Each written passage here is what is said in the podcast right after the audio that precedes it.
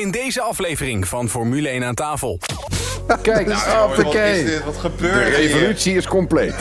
Dat is de- Deze podcast wordt een enorme biecht. Ja, maar ja, dat was het goedkoopste wat ik aangeboden kreeg. Dus doe ik dat maar. Oké. Dit en nog veel meer in het komende half uur.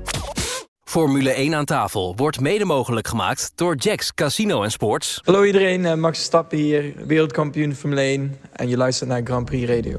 Wat verwacht Max Verstappen van Nick de Vries komend seizoen? De nieuwe teambaas Frederik Vasseur doet het rustig aan bij Ferrari. En in deze aflevering geven we een superprijs weg. Een vierdaags Formule 1 arrangement naar de grote prijs van Hongarije.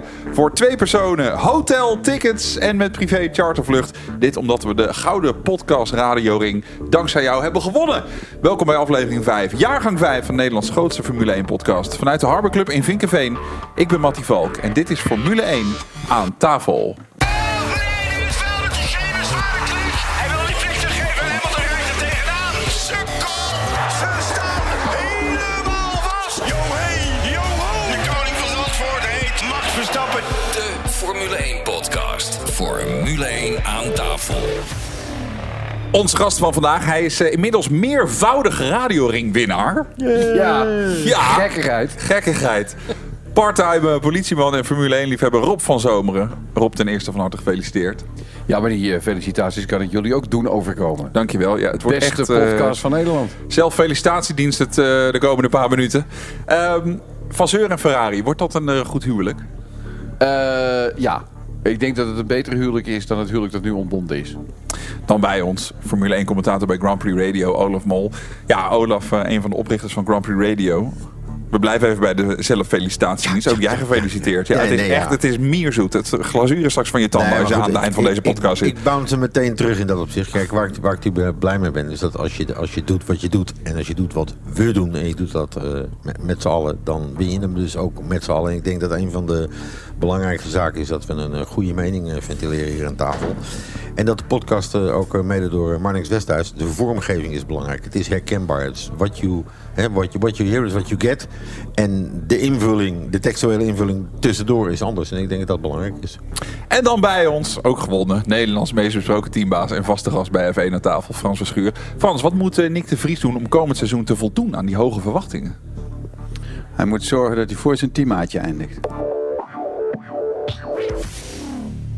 Ja, we blijven bij eh, Nick de Vries. Want eh, Max Verstappen heeft aangegeven dat Nick het wel eens goed eh, kan gaan doen in zijn debuutseizoen.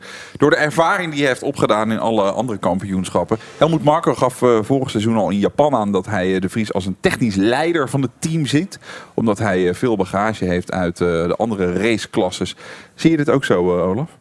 Ik denk dat er een bepaalde vorm van netheid tussen zit. In, we- in wezen zou je natuurlijk kunnen zeggen dat eh, na alles wat we gehad hebben, Nederlands in de auto in Formule 1, daarna kwam Max, die is tweevoudig wereldkampioen geworden. En ik denk dat hij niet met dédain naar de volgende Nederlander toe wil wijzen. Want reëel, eh, eh, Nick zal niet zomaar wedstrijden winnen. Nick zal niet zomaar op het podium terechtkomen. Dus het begint met waar Frans net mee begon. Hij zal eerst zijn teamgenoot moeten verslaan. Ja. En dat wordt lastig zat. En aan de andere kant is het ook gewoon, kijk, ze hebben elkaar op de circuits met karting ook gezien. En het is wel een kwestie van gunnen. En hij zit binnen de Red Bull stal. Dus hij zal daar nooit eh, misschien het achterste van zijn tong van laten zien. Eh, en, maar dat zie je hem en dat vind ik netjes en dat is beleefd en dat is zoals het hoort. Dus het allerbelangrijkste is Frans, hij moet zijn teammaatje verslaan. In ieder geval in zijn debuutseizoen. Dat is het hoogst haalbare voor ja. nu. Ja, en ik denk dat Alfa Tauri nogal eh, problemen zat heeft gehad afgelopen jaar en negende te worden in het eh, ranking van de teams. Dus hij heeft niet een auto waar hij eh, zeg maar echt veel onderscheid mee kan maken. En ik hoop dat ze dit jaar toch wel wat, wat betere engineers en wat betere voorbereiding hebben. Ja. Want weer negende worden in de rangschikking zal niet goed wezen. En dan zijn teammaatjes natuurlijk om daar zeg maar antwoord op te geven als jij niet de goede auto hebt. Als je dan voor je teammaatje eindigt, dan kun je altijd zeggen van ja, ik was wel goed, maar de auto was slecht. Nou, even een kijkje in de keuken gehad bij Mercedes, Aston Martin, Williams, nu Alfa Tauri. Eh, gaat dat helpen? Nou ja, hij brengt natuurlijk wel wat ervaring mee. Maar elk jaar is weer opnieuw. Dat zegt Max ook. Elk jaar moeten ze weer vol aan de bak. En je weet niet wat ze in de winter ontworpen hebben. Dadelijk eh, komen ze met een gouden formule. Waardoor de team zomaar op de vierde, vijfde plek of zesde plek kan komen. Maar voor hetzelfde geld zitten ze nog achter Williams. Wat ik niet verwacht hoor. Ja. Want dat is wel heel slecht.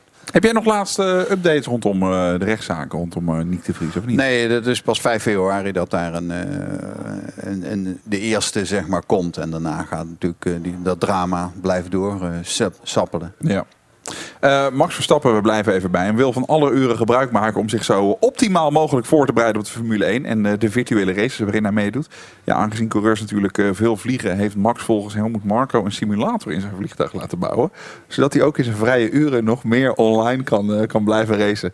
Geweldig toch, Rob? Dat is toch mooi? Zolang het nog geen flight simulator is. nee, maar hij is natuurlijk gek van dat simmen. En, Ja, mooi. En, en, bedoel, als je op een gegeven ogenblik het geld en de mogelijkheden hebt. Ja, bedoel, het is natuurlijk wel, ik vind het wel ultiem. Ja. Ik vind, het echt, ik vind het echt geweldig. Toen ik het toen ik las, had ik echt zoiets van, kijk. En hij roept het ook gewoon naar buiten toe. Ik ga lekker simmen in mijn Ja, vliegtuig. heerlijk. Formule 1 seizoen bij elkaar is ongeveer twee- 220 uur in de vliegtuigen. Dus eh, Ja. het is ook het, het, het letterlijk doden van de tijd. En ik vind op zich, ik denk dat het wel handig is, maar... Ja. Ik zie ik jou ook. wel eens in jouw auto en dan denk ik ook dat het één grote simulator is. Ja, dat denk ik ook. Ja, maar goed, ik heb nu een auto ge- getroffen, die, die Mercedes. Daar zitten zoveel van die veiligheidsgadgets in... dat je vaak het idee hebt dat je zelf niet eens meer aan het sturen bent. Wat, wat, wat rij je nu dan, eh, Rob? Het is een, eh, een hybride eh, Mercedes GLE. Het is de 350 waar ik in rij. Dat is echt de auto voor een radioringwinnaar. Ja, die had ik daarvoor al. Oh. Hybride? Oh ja, wat had ik ring ook? Hoor je nou hybride? Hè? Hybride? Ja, hij is hybride. Ja. Is hybride? En weet je wat gek is, Holly? Zo nu en dan vind ik het gewoon irritant als de motor aanslaat. Ja. Oh, In het begin had ik echt zoiets How van... things can dit is- change. dit is niks, joh. Dit is een vliegend tapijt. Je hoort alleen maar wind en een beetje bandengeruis. Ga weg. Ja, ik bedoel, waar zijn die vijf eh, of, of die, die zes of die acht klapperende jongens voor in? ja. Kom ik aan met mijn W12. Ja, nee, ik bedoel, wat ik, wat ik aan CO2 uit bespaar, Ja. dat maak jij in één keer gas geven. Ja, maar daarom doe ik dat in Spanje, niet in Nederland. Ja, nou ja, want ja, natuurlijk, dat, er is alleen hier. Er is weinig zuidenwind, dus Nee, eh, dat is- dat, dat blaast weer naar Dat Marokko. dat mee. Maar nee, Zou maar- jij dat ooit kunnen voorstellen, Frans? Dat je denkt, nou, hybride, wel lekker eigenlijk. Hè, die irritante motor die aanslaat iedere keer. Nou, ik moet je bekennen dat ik op het ogenblik in een Mazda hybride rijd. Kijk, Nou. Wat De gebeurt revolutie is compleet. Deze podcast wordt een enorme biecht. ja, maar ja, dat was het goedkoopste wat ik aangeboden kreeg. Dus doe ik dat maar. Oké. Nou jongens, we gaan snel verder. De relatie eh, tussen de FOM en de FIA die lijkt erg op scherp te staan. Ga er even goed voor zitten. Ik ga even een stukje context geven. Je kan ook doorspoelen als je wil. Formule 1 heeft de FIA-president Mohammed Ben Sulayem gewaarschuwd... naar aanleiding van zijn tweets... waarin hij ingaat op geruchten over een mogelijke overname van de F1. Ja, vorige week werd gemeld dat het eh, staatsinvesteringsfonds van Saoedi-Arabië... een bod zou hebben gedaan om de Formule 1 over te nemen van Liberty Media. Het zou gaan om een bod van, komt-ie... 20 miljard dollar. Maar Liberty Media zou dat hebben afgeslagen. Nou, de vier-president ging op Twitter in op die geruchten door te stellen dat het om een opgeblazen prijskaartje ging. Hij benadrukte bovendien dat de Formule 1 en de potentiële nieuwe eigenaar vooral moet denken aan de toekomst van de sport en niet alleen aan het geld. Nou, die tweets die zijn ook niet in goede aarde gevallen bij de Formule 1-top. Er is een brief die is ingezien door de BBC en daarin zeggen Formule 1 en Liberty Media dat deze opmerkingen de grenzen van de taak van de FIA en haar contractuele rechten overschrijden en dat de FIA aansprakelijk kan zijn voor eventuele schade aan de waarde van Liberty Media. Er gaan geruchten dat er dus achter de schermen bij de FIA en de FOM helemaal niet zo prijs en vree is en dat er dus veel meer speelt. Er zou een botsing zijn tussen deze ja, mondiale autosportbond en de rechtenhouder. Frans, ik zie jou instemmend knikken. Er is altijd al een soort twist tussen die twee geweest. En eh, dat wist dan de, de destijds de heren die er zaten altijd wel een beetje nog met de mantel der liefde te bedekken. Maar deze man die is al vanaf begin af aan al een beetje aan het roeren in dingen waar hij eigenlijk niet bij hoort. Ja, hij wordt vaker verweten voor zijn beurt te spreken. Ja, dus eh, lijkt wel belangrijk. Ik vond het ook niet een hele verstandige keuze om zo iemand op die plek neer te zetten. Maar dat zal wel te maken hebben gehad met geld of dat soort dingen. Dat weet Olaf misschien. Definieer zo iemand. Ben Soleimani, dat is toch een eentje uit de Verenigde Emiraten? Ja, precies. Ja, die hoort niet, vind ik, op deze plek terecht. Zo niet, hij is er gewoon verkozen. Ja, dat weet ik, maar hij is verkozen misschien door middel van dat er te veel... Zoals bij de FIA wordt ook elke iemand gekozen die er eigenlijk niet hoort. Volgens En- mij werd Qatar ook verkozen. Ja. Ja. Maar ze- dus ik denk dat zo iemand wordt, daar moet gewoon een Europeaan zitten of een Amerikaan, maar niet een, eh, een man uit de, Right. uit de Verenigde Emiraten. En hij heeft meer voor zijn dingen gezegd enzovoort. Er gaat ook een verhaaltje dat hij een beetje te veel bevriend is met, met eh, Hamilton, maar dat kan ik niet bevestigen. Oké, maar slechts geruchten. Dat, maar kijk eens naar dat eh, Via Gala. Zijn rol daarin. Ja. Ik kon nou ook niet bepaald zeggen dat het nou... Nee, toen ging hij nog even los met, eh met, met Christian Horner. Daar komen we straks wel over over spreken. maar er is één, raar, één ja. grote, misschien wel denkfout die mensen maken. Ehm, en dat is dat eh Formula 1 Management is geen eigenaar van de Formule 1. En dat denkt iedereen wel. Maar zij hebben de rechten gekocht voor 100 jaar, voor heel veel geld. Maar zijn niet daarmee de eigenaar. Ze zijn de uitvoerende van de rechten om die wedstrijden te doen, dat soort dingen. Feitelijk voelt dat natuurlijk wel zo. Maar het is deep down nog steeds van de FIA. Want de FIA heeft hun, door Bernie Ecclestone, dat 100-jarige recht te verlenen, dat recht gegeven. Ja. Dus allerlei mensen die roepen, ja, maar hij mag dat niet zeggen, want... Ah, nee, dat gaat dan, als ze last hebben in hun dagelijkse operatie daarvan... hebben ze het er gelijk dat hij als voorzitter zich daar beter niet had mee moeten bemoeien. Nee. Ik, ik voel dat ook zo. Op Twitter al helemaal. Maar het is niet zo van, hey vriend, eh, je spreekt voor je beurt, want je hebt er niks mee te maken. Hij heeft er alles mee te maken. En er is natuurlijk altijd een, een discrepantie tussen degene die de wedstrijd uitvoert, zeg maar de promotor, en degene eigenaar die show en dingen willen. En die grote logge organisatie die de reglementen en de circuits moet goedkeuren en allemaal dat soort dingen. Dus dat is logisch dat dat, dat het daar al jarenlang eh wringt. Maar hij heeft wel degelijk recht van spreken. Ja, maar het is niet handig wat hij doet. Nee, is waar. Want bedoel, eh, A, hij zegt het prijskaartje is opgeblazen. Dat betekent dus dat er een prijskaartje ligt. Alleen het bedrag klopt niet. Dus er ligt een bod. Nou, we weten allemaal wat het met beursgenoteerde bedrijven kan doen... als je de, de, de bak van content waar je al je geld mee verdient... misschien wel van de hand gaat doen. Nou, als, als op een gegeven moment beurswaarde... Kijk, alle grote deals in die wereld worden gemaakt met aandelen. Dat gaat nooit cash-out. Nou, op het moment dat je aandelenwaarde echt onder een bepaald... dan kan je de deur dicht doen. Dan is het gewoon klaar. En daar zijn ze natuurlijk als de dood voor. Ja. Dit krijgt nog een, eh, een staartje. Het is eh, nog lang niet rond en er is eh, veel weerstand vanuit de teams om Andretti en zijn nieuwe team toe te laten in de Formule 1. Dat heeft vooral te maken met de verdeling van het geld onder meerdere teams. Dat tot grote frustratie van Michael Andretti, zoon van en baas van Andretti Motorsports. Een coureur die IndyCar rijdt voor het team van Andretti in Amerika is Romain Grosjean. Hij sluit niet uit dat mocht Andretti toetreden, hij een rol kan gaan spelen binnen het team, op welke functie dan ook. En dat ziet de Fransman zelf ook wel zitten. Hij zegt, ik denk nog veel aan Formule 1. En iets eh, wat ik heb geleerd is dat je nooit, nooit moet zeggen. Nou, rijdersduo Colton Hurta en Romain Grosjean. Frans, No way. oké. Nee, Grosjean moet gewoon wegblijven uit de Formule 1. Dat is geweest, gedaan. Hij heeft eh, let- lekker in Amerika blijven rijden. En zijn functie kan misschien wel zijn om rijders te begeleiden of dat soort dingen. Maar niet eh, zelf achter het stuur te gaan zitten. Moet hij niet doen. Of een PR-achtige functie, zou Ja, kunnen. dat zou kunnen, ja. Maar niet, niet zelf. Maar er staat in, je- zegt er is veel weerstand. Volgens mij betreft is het er was veel weerstand. Want volgens mij nu bekendgemaakt is dat er wel degelijk gekeken kan worden naar een toetreding. Eh, met name toen het nieuws kwam dat Cadillac wellicht daar wat mee zou willen. Eh, werd het wel als serieus gezien. Heeft zelfs Toto Wolff die in het begin riep... nee, we zitten er niet op te wachten. Heeft gezegd, nou, als daar een serieuze player op de markt komt... dan heb ik er wel oren naar. Dus ik denk dat de deur verder open staat dan die stond in dit geval. En een naam als Andretti, ja, dat is wel handig. En Amerika, jongens, Amerika heeft drie Grand Prix volgend jaar. Dus eh, ook dat gaat allemaal zwaarder wegen. Dus ik zie juist dat die deur eh, wel wat verder open is dan die twee maanden geleden was. Maar waarom kopen ze niet een team dan? Zoals, eh, ik denk dat, dat eh AlphaTauri wel te koop wordt en komt. En, en, en Williams. Waarom zouden ze die dan niet kopen? Is toch makkelijker? Nee, want dan heb je een fabriek in Italië staan. En ik denk dat eh, de, de Jenken er, er zo in zitten. En als Cadillac erin komt, dan moet dat... En, en net als Haas, hè, weet je, Ja. het hoofdkantoor van Haas staat ook gewoon nog steeds gewoon echt wel in Amerika. En als je die Amerikaanse markt mee wil hebben, dan zul je toch daarvan uit... Die hebben een soort in, in de buurt van Indianapolis ook, en de Charlottesville. Dat is toch een soort Silicon Valley van het Amerikaanse race. En dan zouden ze het wel daar vandaan moeten doen. En ik denk dat dat ook de, manier is. Maar als je Andretti bent en uiteindelijk Amerikaanse coureurs wil... en Amerikaanse hoofdsponsors wil gaan halen... dan zie ik niet zoveel in om een, eh, om een team... eh, ja, gewoon over Dus- te nemen wat in Italië zit. Dus als ze erin komen, dan is het zeg maar, dan moeten ze een x bedrag betalen wat ze dan verdienen, verd- eh, verdelen onder de dat is teams die er nu zijn. 200 miljoen. 200 Dus dan krijgt ieder team 20 miljoen. Dan krijgt ieder team 20 miljoen. Ja. Ja. Je en dat jezelf- proberen ze natuurlijk hoger te en, maar zij doen daarna meteen mee in de revenue. Ja, En dat is natuurlijk ja, waar, het eerst om, waar het eerst om ging. Ja, maar dan gaan we minder. Nee, daarom is die, daarom is die nieuwe regel gekomen. Maar En die verschuiving sowieso naar de, de Amerikaanse belangen in de Amerikaanse markt, die is natuurlijk al een tijdje gaande. Ja. Ik bedoel, Red Bull die gaat natuurlijk niet voor niks de presentatie in New Nee. York eh, we, we doen.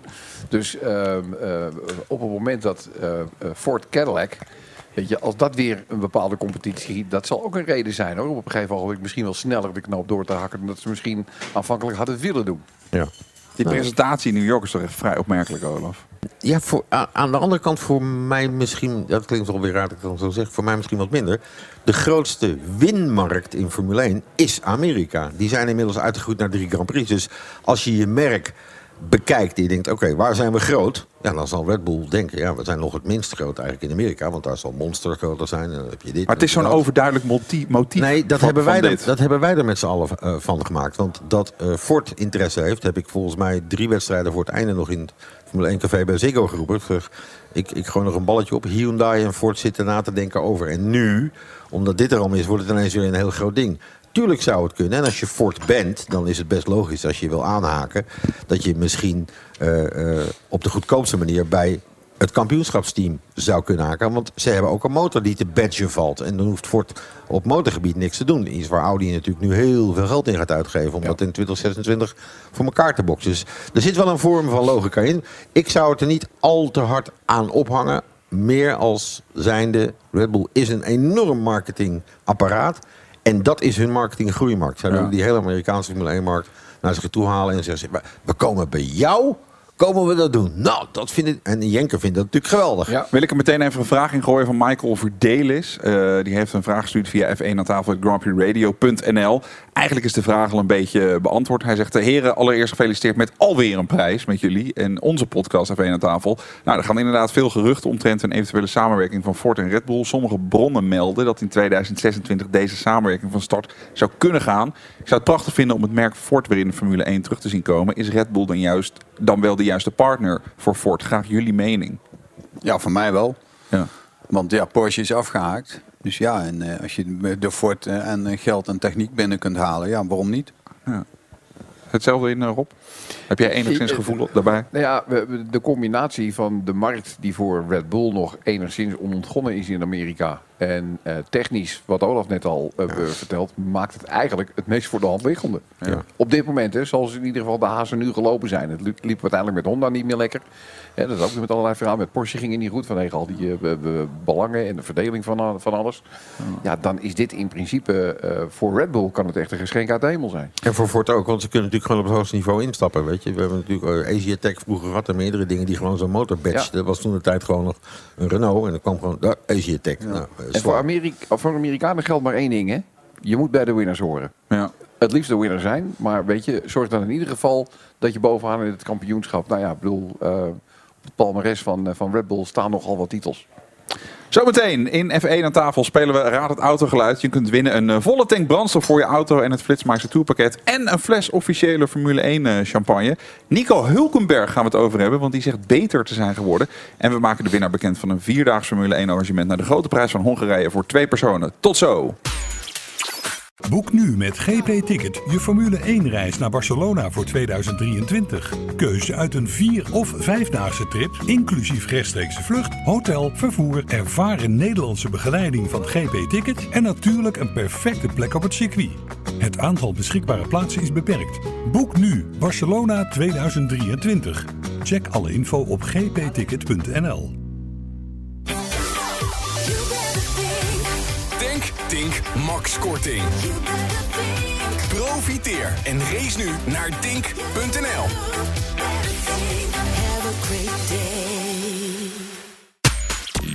Je luistert Formule 1 aan tafel. Dit is de grootste Formule 1 podcast van Nederland. Nico Hulkenberg die heeft gezegd dat het eh, hem goed heeft gedaan om in zijn periode niet volledig met F1 bezig te zijn. Hij heeft hierin eh, goed kunnen reflecteren op eh, de voorgaande periode. Maar hij viel af en toe natuurlijk ook in bij Aston Martin en Racing Point. De ontspanning was volgens hem prettig, maar toch werd tegelijkertijd de spanning ook wel gemist. Dan zeg je eigenlijk helemaal niks.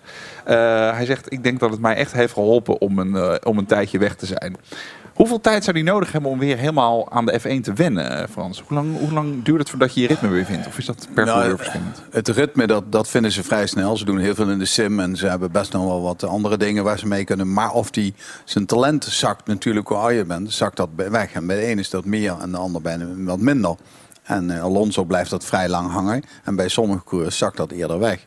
Dus ik weet niet wat hij nu zegt. Het lijkt mij meer een PR-verhaal dan de werkelijkheid. Ja. Hij kan moeilijk zeggen van, eh, nee, ja, ik ben nu gestopt, dus ik, ik moet vanuit een heel diep dal komen. Ja. Dus dat is voor mij de logica. En ik denk, ik denk dat hij een wedstrijdje of vijf nodig heeft. Niet om gewoon zijn rondjes te draaien, maar dan kom je terug in eh, de nieuwe afmetingen van de auto. Hoeveel zwaarder ze zijn, dat moet je allemaal aanvoelen met acties die je uithaalt en dat soort dingen. Dus hij zou misschien nog wel eens in de eerste paar wedstrijden ergens een keer een foutje kunnen maken. Het ding weer ergens op zijn kop leggen, wat hij in Abu Dhabi gedaan heeft volgens mij voor het laatst. Ja. Met Renault, ja. Ik voel me, ik voel me een koe onder in die auto. Lekker Er zit heerlijk wel zo'n kaal. dingetje, ja. Het is echt bizar. Maar kijk, laten we niet vergeten, eh, eh, in alles, hij, hij, is, hij is wel een echt goede coureur. Dus ook even Doortastend karakter, Eén keer mij. gedaan en dat ding ook gewoon gewonnen toen met Porsche. Dat was ook nog wel niet miste. Nee, nee, nee, nee. Maar wat jij zegt, racen is wat anders dan hard kunnen rijden. Ja. En het gevoel van, ik kan hem nog daarna zetten, dit is dat, dus en zo. Met dit type auto waar hij nog niet in gereden heeft, denk ik dat hij toch ook wel minimaal vijf races nodig heeft. Ja. Wat vind jij van de terugkeer van de Hulk, eh, Rob? Ja, ik vind het een ongelooflijk leuke gozer. Dus het is een beetje, het is wel, het is wel een beetje, het is niet, het is een beetje gekleurd. Is het zo'n leuke gozer, Olaf? Ja, ja, veel ja, dichtbij nee. Nee, nee, hij, is, Ja. hij is echt, hij is echt, hij heeft, hij heeft, eigenlijk net als Vettel zijn de enige twee Duitsers die je kent die gevoel voor humor hebben. Ja, ja, nou sterker nog, de enige echt. Ja. hij, heeft nou, hij heeft een beetje Nederlands bloed nog. Hè? Nee, maar Ja, Hij en spreekt ook Nederlands. Ja, maar ook echt wat dat betreft verrotte goed. En als je dan toch een interview met hem gaat doen, dan was hij altijd een beetje twijfelachtig. Want er waren bepaalde woorden die hij dan in het Engels tussen gooide. Als, je dan, als ik hem de keus liet, dan zei hij toch, of tegen Jack zei hij, nou, doe maar in het Engels. En dat voelt hij net even iets zekerder. Maar ik vind dat hij echt heel goed Nederlands praat. Hij heeft echt. eh, ik denk dat hij in eh, Kerkrade net over de grens wel wat eh, DNA bij wat dames laat heeft ik zeggen, hij liggen. kan ook wel een beetje sturen, toch? Bedoel, het is, het is, Nee, hij kan echt een sturen. pannenkoek wat dat betreft. Eh, Hij heeft nog, nog nooit op het podium gestaan, geloof ik, hè?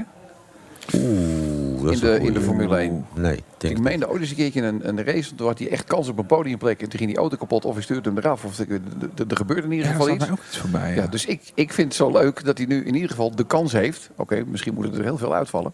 Dat hij dan misschien toch nog een keertje op Uit het pole, podium uit pole position in Brazilië toen in die Williams, maar dat was de opdrogende baan, eigenlijk net als Magnussen dit jaar. En hij heeft het lijstje, en ik denk dat dat het lijstje is, het hoogste aantal behaalde punten, zonder een overwinning in ieder geval. Maar podium is- komt ook niet in mijn hoofd. Vijf- hij heeft 554 punten gehaald zonder ooit iets te winnen, maar het kan ook een podium zijn. Ja, nou, hij is lekker uitgerust, dus hij gaat het doen. Ja, Ja. precies.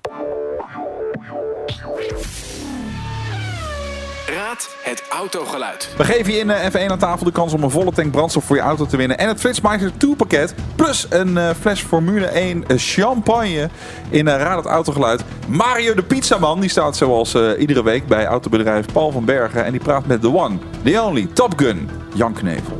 Dag Jan. Hey, goedemorgen Mario. Je hebt vroeger ook veel naar Star Wars gekeken. Nee, ik had niks van Star Wars.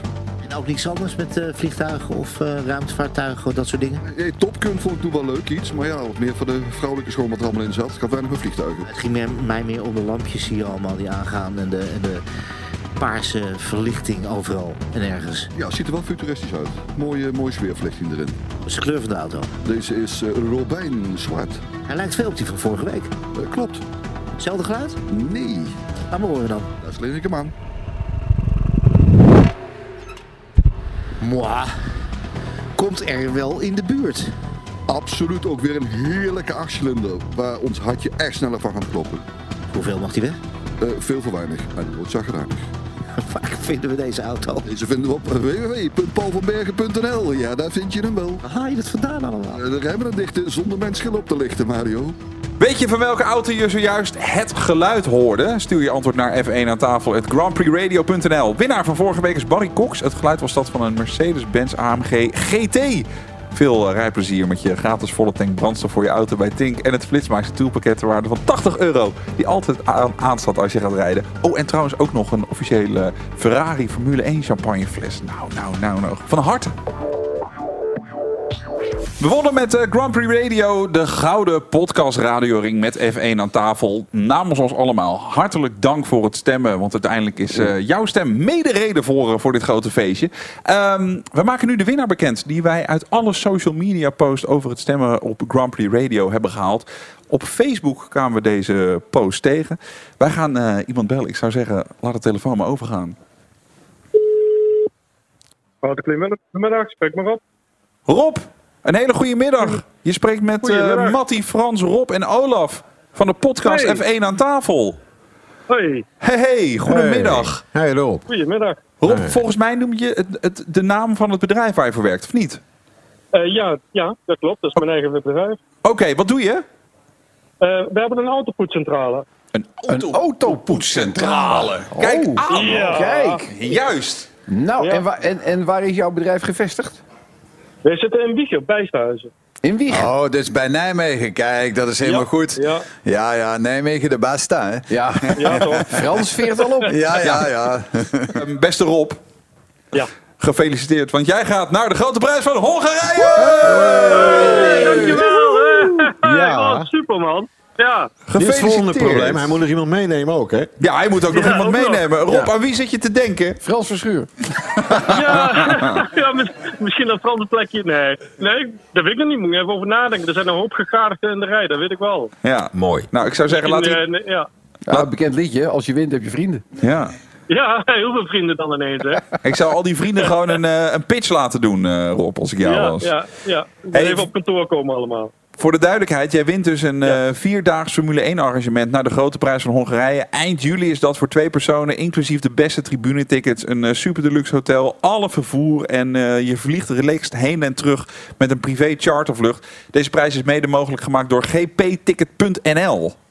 Oh, super, man. Klinkt echt hartstikke goed. Olaf, je bent ontelbaar vaak bij de Grand Prix van Hongarije geweest. Wat is het allermooiste daar, wat dat eh, Rob waarschijnlijk gaat zien? Of wat valt hem op daar? Eh, nou, het is sowieso, je kunt heel veel van het circuit eh, zien. Je moet wel aan de goede kant van het circuit blijven, want er is ook nog ergens een camping.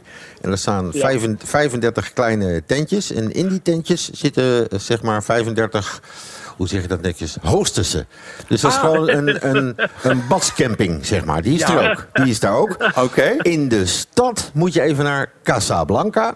Dat is een, eh, een restaurant. En daar kun je, wij vinden dat in Nederland ouderwets steengrillen. Maar dat doe je daar dus. En dat is partij fucking lekker, jongen. Gewoon je vlees op Het is straat. toch een soort sierte Super lekker. Niet normaal, hè? Geweldig. Maar dan van die eetkant of van die badsteentjes? Dat is de vraag. Die is er echt, hè? Gewoon een badscamping. Dat is niet normaal. Rob, veel plezier! Ja, dankjewel. Jo Rob, goed hè. Hoi, hoi. We gaan verder, heren. Naar aanleiding eh, van de onduidelijkheid naar de Grand Prix in Japan, waar eh, Max Verstappen wereldkampioen werd, wijzigt eh, de FIA dit seizoen de regelgeving rondom de ingekorte races. Ze zeggen dat de regels veranderd gaan worden om verwarring in de toekomst te voorkomen. Wat was die verwarring nou precies? Nou, we weten het allemaal nog wel een beetje. 28 rondes was eh, 52% van de Japanse Grand Prix mee verreden. Veel mensen dachten dat Verstappen 19 punten zou krijgen. Als er echt naar de exacte verwoording van de reglementen gekeken wordt, dan zie je dat deze regels alleen gelden voor races die vroegtijdig gestopt en niet meer herstart worden. En dat zorgde voor een eh, bijzonder vreemde overwinning van het eh, tweede kampioenschap. Eh, wat zou dan een goede oplossing zijn? Nee, dus, dus gewoon aanpassen. En ik denk dat ze die regel eh, in tekst aanpassen. Want de puntendelen blijft volgens mij gelijk. Wat ik teruggelezen heb, dat hebben ze al toen naar Spa hebben ze dat al veranderd. Ja. Alleen het ging dus nu fout, omdat iedereen dacht van... oh, dit was een code rood race. Maar omdat die gewoon afgevlacht werd. Dus ze gaan dat verhelderen en daarmee is het goed. Want het maakt niet uit wat voor regel je verzint... maar hij moet wel duidelijk zijn van tevoren. En hier heeft iedereen, en daar ben ik alleen maar blij om... want ik had, ik had dat ook niet door ietsjes eh, daarna wel. Hier heeft iedereen gewoon de interpretatie verkeerd begrepen. Nou, en, en is vooral moet- niet duidelijk dat gecommuniceerd. Nee, ja, nou, de truc is, ze hebben volgens de letter van wat er stond gehandeld. En daar kwam de verwarring door. Dus nogmaals, de FIA heeft daar echt helemaal niets verkeerd gedaan, want zo stond het erin. Alleen wij hadden natuurlijk met z'n allen Spa nog in ons hoofd. Denken, oh ja, nou, dat is maar weinig rondjes gereden, dus dat is eh, zoveel punten. En dat is dit, oh, het gaat niet, en dit. En als Max het zelf niet weet, en het team weet het zelf niet, en geen enkele journalist weet het, en de interviewer ter plekke Johnny Herbert weet het niet, ja, dan hoef je je nergens voor te schamen. Dan weet je wel dat je die regel moet aanpassen. Je moet niet een aantal punten en dingen weer gaan aanpassen, want het gebeurt zo weinig dat het niet zo heel veel zin heeft om daar ontzettend lang over na te denken. Frederik Vasseur is inmiddels eh, begonnen als teambaas bij eh, Ferrari. Ja, bij Ferrari ging het eh, vorig seizoen vooral mis op het gebied van strategie. Na eerdere geruchten leek het alsof Vasseur helemaal schoon schip wilde maken binnen Ferrari. Maar in een recent interview zegt hij dat hij niet meteen alles wat zijn voorganger heeft gedaan zomaar klakkeloos overboord gooit. Na een eh, paar weken of maanden zullen we actie ondernemen. En als het niet werkt, dan eh, nemen we stappen. Maar ik vertrouw ze. Is dat verstandig? Moet je niet meteen eh, met een compleet schone lei beginnen, Frans? Dat kan niet helemaal. Want hij moet wel andere mensen op die plek zetten. En die mensen moet hij wel weten wie dat zijn. En als hij weet wie het is, want dat weet hij al, dan moet hij ze wel loskopen. En dan hebben die mensen weer een jaar of zoveel maanden dat ze nergens anders mogen werken. Iets wat Aston Martin ook eh, gedaan heeft. Dus hij kan zeggen, ik wil dat poppetje hebben. Maar als die poppetje in de Formule 1 zit, ja, die kan niet zomaar losgemaken. Dus dan moet je toch een beetje roeien met de mensen die je hebt. Rob, jij ziet een eh, gelukkig huwelijk aanstaande. Nou, het is inmiddels al begonnen tussen uh, Van Zeur en eh, Ferrari. Je hebt er een goed gevoel bij. Ja, dat denk ik wel. En Van Zeur, net wat Frans zegt, die koopt nu gewoon tijd. Om, eh, we, zo kun je naar buiten toe is het altijd goed om tegen mensen te zeggen hè, van ik vertrouw in jullie. En dat komt allemaal goed. Weet je? En daarna Ja. komt er het sociaal plan. dus dus het, hij, koopt, hij koopt tijd. En, en eh, we, we, dit is in, eh, in alle eh, vormen en gedaanten is het gewoon netjes om het zo te doen. De mensen die er zitten van, joh, hè, misschien werden jullie wel verkeerd aangestuurd. Nu hebben jullie, hè, dat excuus valt weg, want ik ben er nu. Laat maar zien wat je kan. Ja, ik heb wel een idee wat hij zou moeten doen. Ik denk dat hij moet gaan fragmenteren. Meestal denk je van je moet defragmenteren, want één maar dat Ferrari, ja, kijk maar eens in het bord pasta, is één grote chaos. Ja. Dus hij moet gaan fragmenteren. Hij moet, die, hij moet dat bord pasta, die knoop, die moet hij eruit zien te. Hij moet er allemaal van die net, rechte, nette lijntjes van maken, zodat je het uiteindelijk gewoon met mes en vork kan eten. En dat gaat nu niet. Je moet er nu een lepel in stoppen en dan zie je wel wat eraan blijft hangen. Dat is een beetje hoe het bij Ferrari op dit moment gaat. Dus hij moet gaan fragmenteren. En ik denk dat hij juist wel die eilandjes moet gaan maken. Want dan ga je ook die onderlinge competitie weer doen. Het is nu ook gedeelde smart. Hè? De- niemand stond op van ja, het was mijn fout. Binotto riep, nou ja, ik heb niet dat hier wat fout. Ja, en dat is niet goed. Dus ik denk dat hij moet gaan fragmenteren. Ja, ik eh, kan er helemaal in meegaan. eh. Bedankt. Ja, graag gedaan. Hij heeft natuurlijk wel een goede auto hadden ze. De auto was echt niet verkeerd. Dus die was soms nog wel het snelste van allemaal. Dus dan, dan moet je dus, dat, dat gedeelte is goed. Maar de rest eromheen moet je dan eh, zorgen dat daar goed is. En je kunt niet morgen de beste er hebben zitten. Nee. Terwijl het klinkt, eh, eh, als ik, eh, stel je stapt nu in bij Formule 1 en ik hoor jou zeggen ze hebben de snelste auto, klinkt als een kwestie van inkoppen dat je, dat je kampioen bent, eh, Frans. Nee, nee, nee, want dat blijkt dus maar. Je kunt wel de snelste auto hebben, maar het team is ook heel belangrijk. En daar, de strategie was natuurlijk bij Red Bull super. En die zat bij Ferrari nog wel eens ernaast. En dan waren die jongens van de bandenwissels ook niet de beste. Want het heeft Red Bull ook nog steeds de snelste. Ja, dus daar, dus je kunt zeggen, dat fragment van de bandenwisselaars, die, daar moeten we op concentreren. concentreren. En de strategie moeten we concentreren. Natuurlijk, de techniek is wel aardig, die is wel goed. Ze zijn twee of drie keer uitgevallen, hebben ze misschien iets te veel van het motortje gevraagd. Maar daar zitten we wel op de goede weg. Dus, en dan, dan krijg je nu weer de verhalen die er weer tegengesproken worden dat ze een raketmotor hadden. Maar ja, dit, dat zijn publicitaire dingen die toch altijd door iedereen ge- ja, gebracht worden. Van, we hebben, nu hebben we de motor, die is helemaal te super. Ja, volgens, het volgens reglement niet kan namelijk. Want de motoren Ja. van het afgelopen jaar na dit jaar mogen alleen maar aangepast worden voor betrouwbaarheid en dat soort andere zaken. Nee, Dus maar de mappings en zo, daar kun je natuurlijk wel wat aan doen. Ja, maar mag geen, moet je niet meer vermogen uithalen. Het gaat over het gebruik van je vermogen, hoe Ja. je het gebruikt. Dus meer vermogen halen, dat, dat, is, dat is even eruit gehaald. Hij heeft eh, één ding alvast bekendgemaakt. Hij zegt, eh een van de grote problemen waren de communicatielijnen. Er zou aan de pitmuren te veel overleg zijn geweest tussen te veel mensen. Ja, dat klopt. Je moet daar eentje, dat is de hoofd en die bepaalt het. Moet wel hopen voor hem dat hij een beetje uit die politieke weerwar blijft. Want Ferrari is natuurlijk wat dat betreft wel echt lastig. Hè? Ik bedoel, ik ga het niet meteen vergelijken met Ajax. Maar ja, als het op zondag slecht gaat, heb je op maandagochtend wel, een, eh, wel meteen een gesprek in de kranten en de hele shit nog even een tandje heftiger dan hier. Ja, hij tegen was goed begonnen. Ja, zeker. Kan mij niet het slecht algemeen eh, is eh, de Italiaanse emotie ook heel gestructureerd.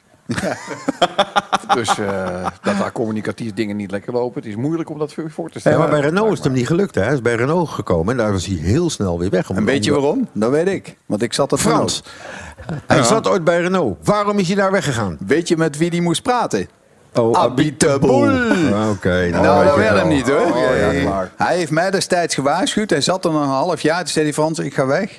En, eh, want was direct mijn, mijn baas. Zei, hij, zorg dat je zoveel mogelijk muntjes hier wegtrekt. Want het gaat helemaal fout met Renault. Nou, daar heeft hij gelijk in gehad. Ja. Heren, we zijn aan het eind gekomen van deze Gouden Radio Ring podcast. Ik dank jullie voor je aanwezigheid deze week. En ik mag jullie alle een fles officiële Formule 1 Ferrari Trento Doc eh, aanbieden. Volgende week zijn wij er weer. Tot zover Formule 1 aan tafel. Redactie was in handen van Sjaak Beumer en Koen Bakker. Vormgeving en montage Marnix Westhuis. Draaiboek en productie Mario de Pizzaman. Ik ben Mattie Valk. Tot volgende week. En blijf nog even hangen voor de bonus.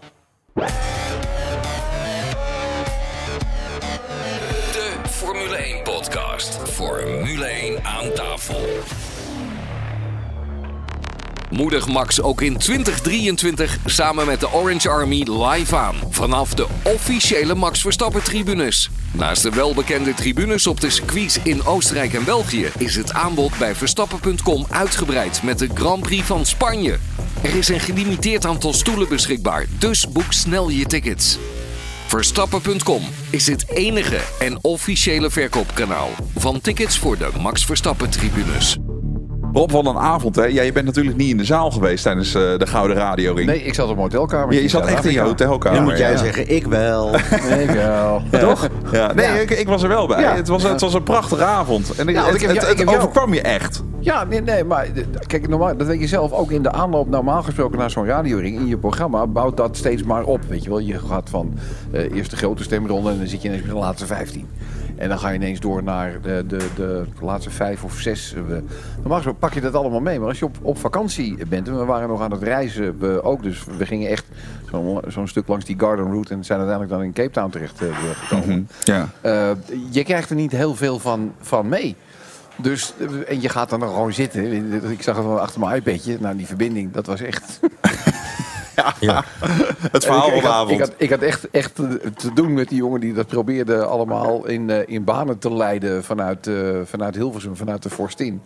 Maar die zag ik, die zag ik steeds dieper en dieper ongelukkig eh, worden. Ik dacht echt, het is alsof ik naar een pitstop van Ferrari zit te kijken.